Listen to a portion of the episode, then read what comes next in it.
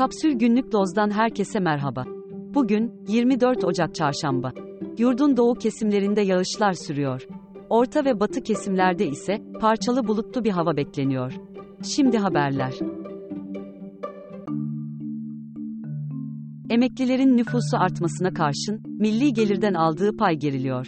SGK ve TÜİK verilerine göre 2009 yılında 9.2 milyon emeklinin maaşı için 68.6 milyar lira ödeniyordu.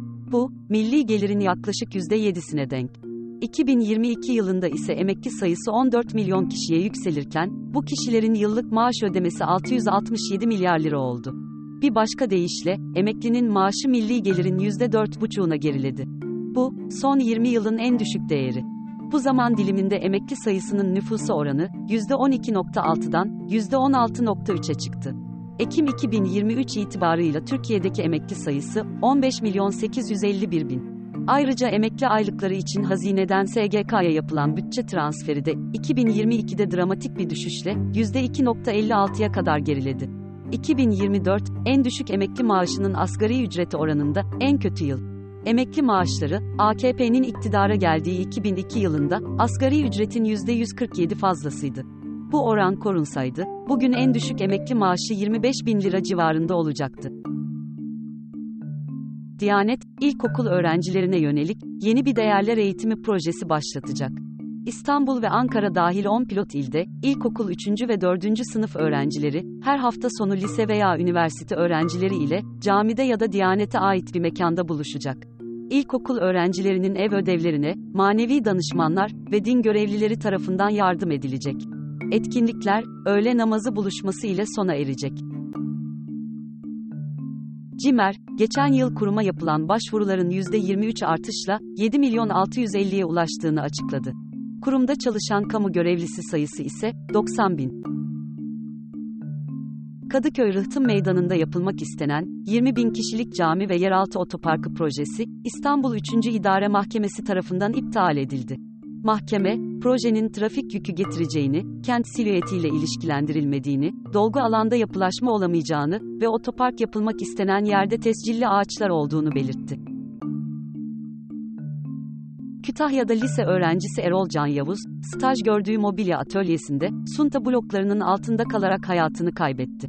Geçen haftada, İstanbul Esenyurt'ta staj gördüğü demir fabrikasında ağır yaralanan, 14 yaşındaki Arda Tombul yaşamını yitirmişti.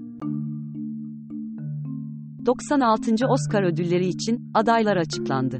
Christopher Nolan imzalı Oppenheimer, 13 adaylıkla zirvede yer aldı. Onu, 11 adaylıkla Yorgos Lanthimos imzalı Poor Things ve 10 adaylıkla Martin Scorsese imzalı Killers of the Flower Moon takip etti. Jimmy Kimmel'ın sunacağı Los Angeles'taki ödül töreni, 10 Mart'ta düzenlenecek. Almanya'da oy oranını ciddi anlamda artıran, aşırı sağcı Almanya için alternatif yani AFD partisinin eş başkanı Alice Weidel, iktidarı kazanmaları durumunda, ülkenin Avrupa Birliği üyeliğinden çıkması için referandum düzenleyeceklerini söyledi.